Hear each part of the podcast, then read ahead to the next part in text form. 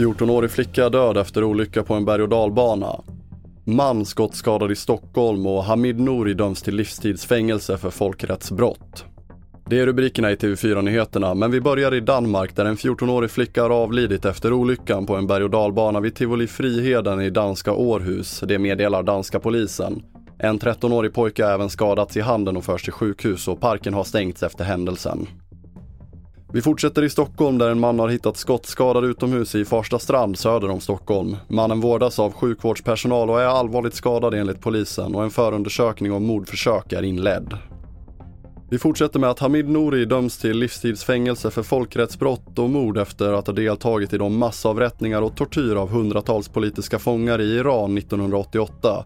Detta är den första rättegången i hela världen kring avrättningarna i Iran för 34 år sedan. Jag är glad för den här domen som jag eh, eh, fick veta nyss eh, och för att jag är en av dem som överlevde massakern.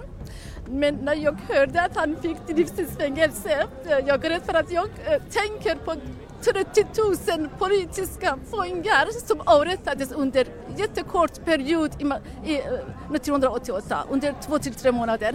Jag tänker på min eh, cellkamrat Shirin Eslami som tog ut från cellen, från avdelningen och kom aldrig tillbaka. I inslaget hörde ni Mehri Emrani, överlevare från Iran efter domen. Och vi avslutar med södra Europa som plågas av extremvärme och temperaturer över 45 grader och det torra och heta vädret har också orsakat hundratals mark och skogsbränder i Spanien, Portugal och Frankrike.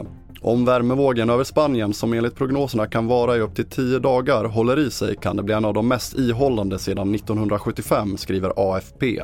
And This is the way we should um, face the next years or the next century because the, the climate change projections are revealing um, even darker scenario from the, from the, the last uh, decades on, the, on the, this our century that we are living. So uh, we must adapt. Det sa Ricardo Deus, klimatforskare. Fler nyheter hittar du på tv4.se. Jag heter André Metenen Persson.